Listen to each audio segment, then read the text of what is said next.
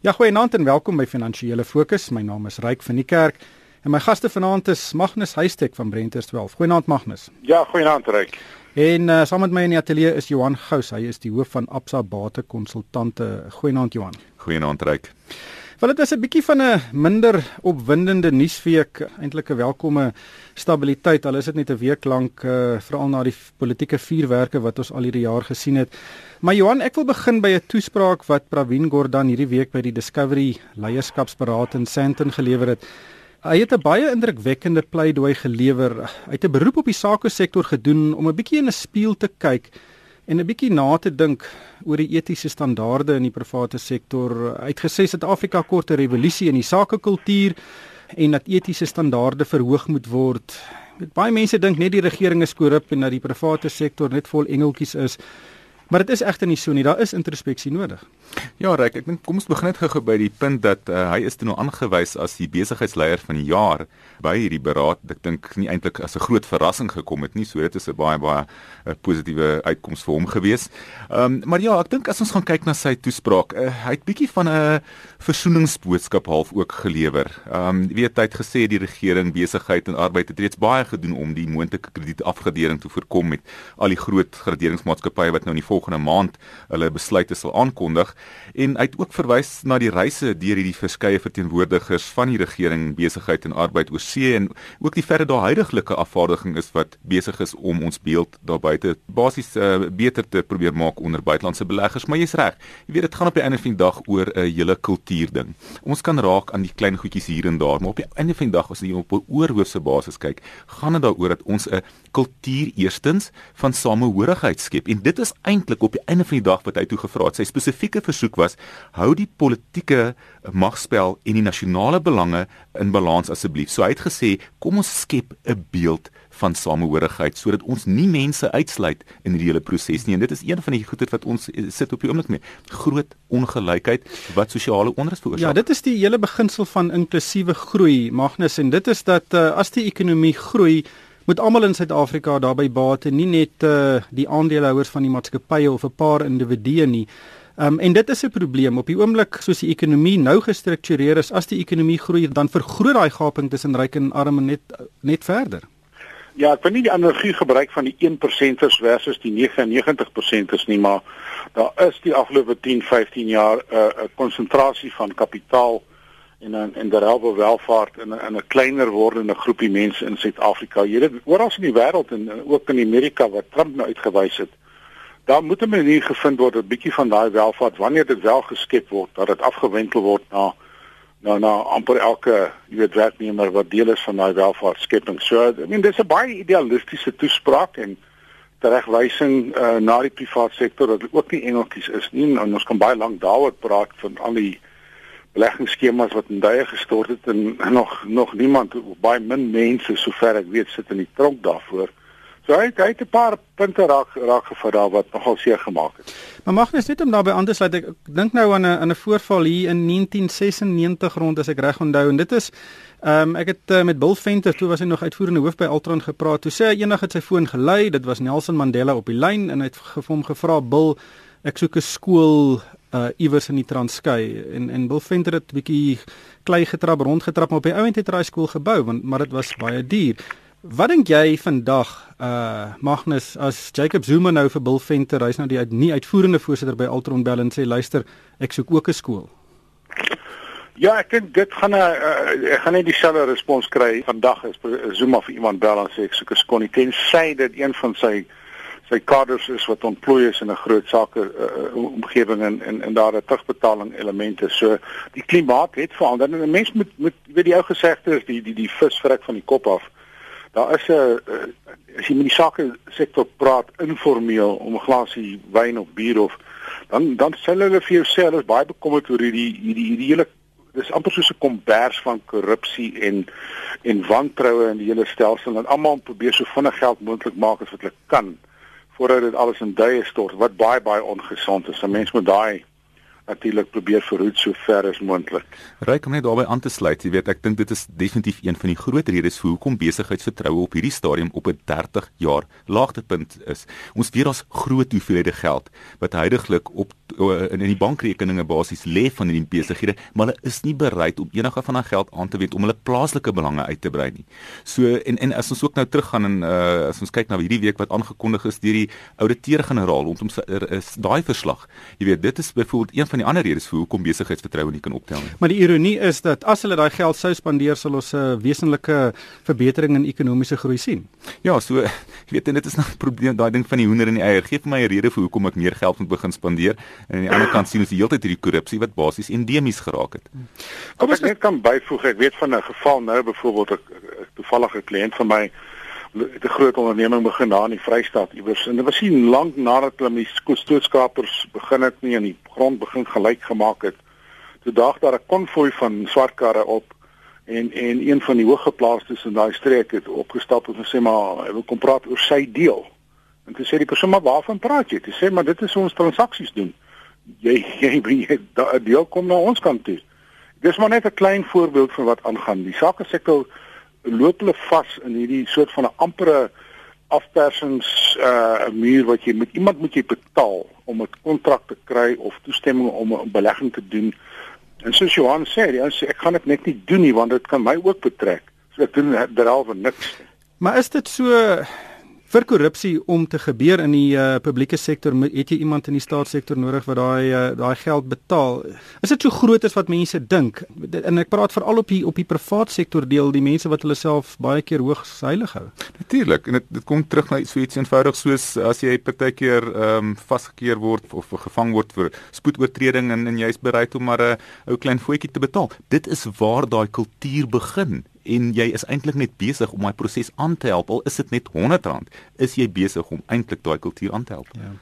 Kom ons gesels oor uh, graderingsagentskappe. Magnus, volgende week begin ons nou hoor een na die ander van hulle wat hulle nou van Suid-Afrika dink en of hulle nou ons gradering afwaarts gaan aanpas. Uh, as die meeste van hulle dit doen, is dit na die sogenaamde subgraderings uh, uh, vlak. Uh, Magnus, wat dink jy gaan gebeur? Weet ek ek ek Ek dink dit daar's 'n 75% kans dat dat S&P ons gaan afgradeer. Moody's is is bietjie meer positief oor Suid-Afrika, maar as jy S&P se uitsprake die afgelope paar weke fyn ontleed en ook wat hulle in begin van die jaar gesê het, sou ek sê 75% kans dat ons afgegradeer gaan word. Daar's hopelik nog 'n klein kans dat dit nie kan gebeur of uitgestel kan word. Die die, die enigste probleem is daar's nie veel gebeur in terme van werklike aksies van die regering se kant. Ja, daar's daar's baie gepraat en daar's baie vergaderings gehou en baie maar ek is nie bewus van enigiets dramaties wat die regering beplan of reeds aangekondig het wat die graderingsagentskappe anders kan uh, sal dalk kan laat dink nie. So, miskien Johan, het jy 'n uh, Ja. ander ander hoek daarop maar ek ja. kan nie dink aan iets nie. Al wat ons nou meer weet as wat ons vroeër geweet het is wat in die mediumtermyn begroting was. En ons weet dat uh, minister Gordhan was weet hy het in werklik in 'n baie baie moeilike situasie gesit. Daar is nie veel aan die ontvangskant of die inkomste kant nie as gevolg van die swak ekonomiese groei. Ehm um, so en dan hy het gevoel uh, tydens die toespraak wat hy by die Discovery uh, beraad gelewer het, het hy gevoel dat dit was eintlik 'n redelike positiewe boodskap gegee die groter konteks.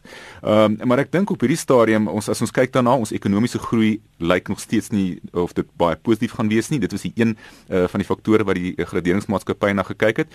Nou dit het jy dan nodig om jou fiskale situasie aan te spreek. So daai twee gaan saam en dan die laaste element wat die groot probleem nog steeds vir ons is, die onbekende faktor is die politieke stabiliteit. Ja, ja. Ja, maar ek ek verskil van jou Magnus. Ek dink ons het gesien dat ja, ons het politieke stabiliteit of politieke onstabiliteit, maar die gevegte word gevoer deur instellings en daai instellings bly staan. Dit doen 'n goeie werk. Dit daai instellings werk.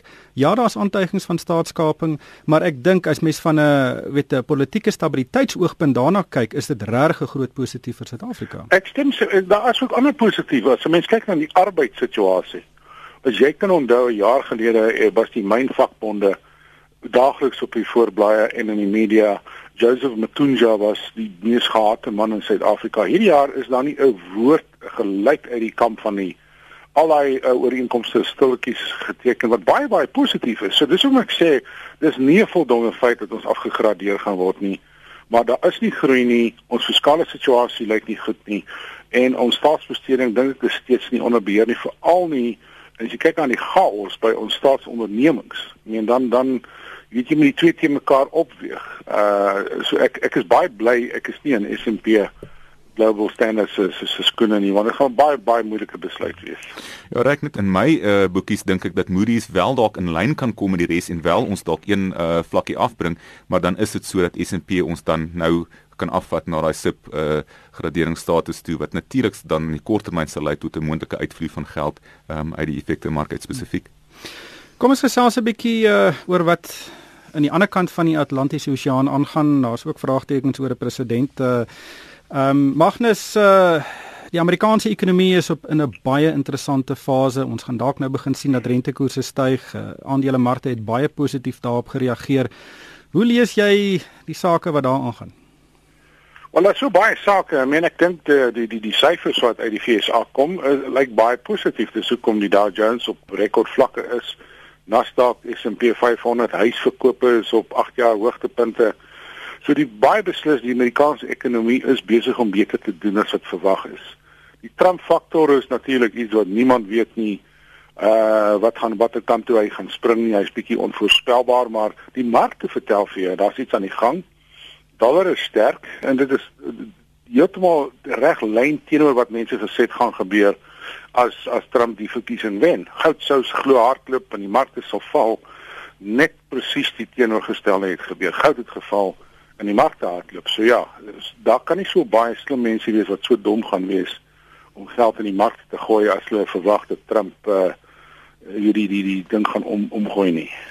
Ryk, ek dink as daar een tema is wat die markte hierdie jaar in die raai gehad het, was dit die Fed se rentekoersbesluite. En dink wisselvallige markte aan die begin van die jaar kommer oor Chinese groei, toe nou Brexit in Julie en toe nou die Trump oorwinning het die Fed dalk weer uh op 'n punt geplaas dat hy kan besluit om terug te hou op die rentekoers verhoging wat dalk in Desember kon gebeur, maar ek dink Janet Yellen het donderdag duidelik dit gestel dat hulle gaan nie terugstaan as die Federale Reservebank as gevolg van die uh Trump presidentskap nie en hulle sal optree uh, polities onafhanklik sover moontlik en sy het ook aangedui dat sy in haar pos by die Fed sal bly totdat haar termyn in Januarie 2018 verstryk en ek dink nie noodwendig sy sal verwyder word uit daai pos nie want ons het gesien uit die geskiedenis uit dat as 'n nuwe party aan bewind kom dat hulle nog steeds bereid is om een van die oppositieparty uh, se verteenwoordigers nog steeds in daai in daai posisie te hou.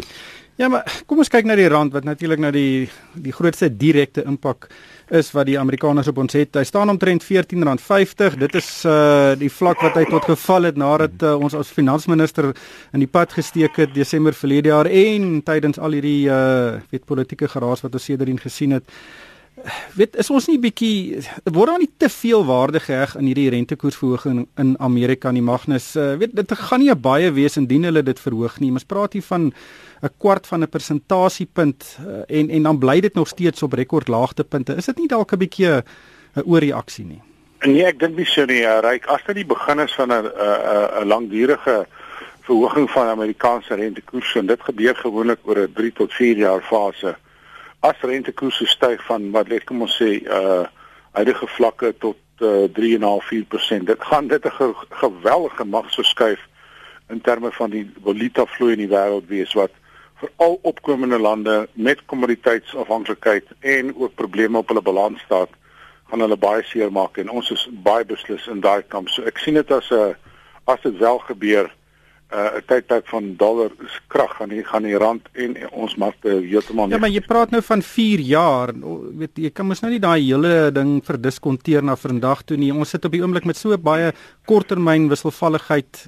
Kan 'n mens dit so ver of van van oor 4 jaar af terugtrek na vandag toe? Wel, as dit, jy weet, as as dit 'n omkeer is en die rentekoersiklus draai om en hy gaan nie meer verder daal of konstant bly nie, sou ek sê jy moet jy moet gaan kyk wat met in vorige eh, stygfases gebeur. Hoe lank het dit geduur en wat se impak het dit op wêreldmarkte gehad? En dit is waar jy moet gaan kyk. En as dit wel die geval is en daar's geen waarborg nie, dan gaan die rand geweldig onder druk. Kom ons sien net die rand, dis al die opkomende lande. Uh so ja, ek sien dit as 'n as 'n baie sterk faktor wat 'n mens moet dop in jou bate allocasie. En reik dit weet dit gaan nie vir my oor die kwantum nie. Dit gaan oor die feit dat daar dan 'n verhoging, die eerste verhoging dan gaan wees en dan hoe vinnig daarna en ek dink as jy gaan kyk na die arbeidsmark wat steeds besig om te versterk in Amerika, as jy gaan kyk na inflasie wat nou naby aan daai 2% teiken van hulle begin kom, as jy dink aan 'n Trump regering wat begin dalk met fiskale stimulus wat inflasie verder kan aanjaag, gaan jy die Federale Reservebank in 'n situasie sit dat hulle vroeër eerder as later sal moet begin dink om daai rentekoerse te verhoog. En dit is so, markte verdiskonteer klein hierdie klein verandertjies van historiese lae vlakke af. Ehm um, eintlik baie ver in die toekoms in. So ek dink die kanse en en dit is so, dit is dit is nie Suid-Afrika spesifiek nie, dit is opkomende markte in geheel wat se geld eenheid wat ongelukkig onder sal lê.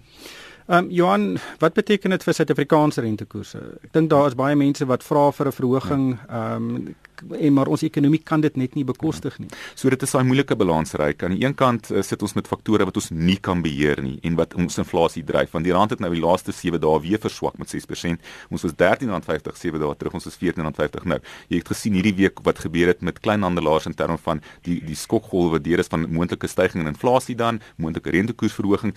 So ons sit in hierdie situasie van ons ekonomie groei nie. Aan die ander kant is inflasie op hierdie stadium besig om weer na daai plek toe be, te beweeg van waar hy buite die 3 tot 6% teikenband gaan beweeg. Hoopelik vroeg in volgende jaar kom hy terug as gevolg van 'n basiseffek, maar op die einde van die dag moet die Reserwebank fokus op inflasie want dit maak die arme mense in ons gemeenskap die meeste seer.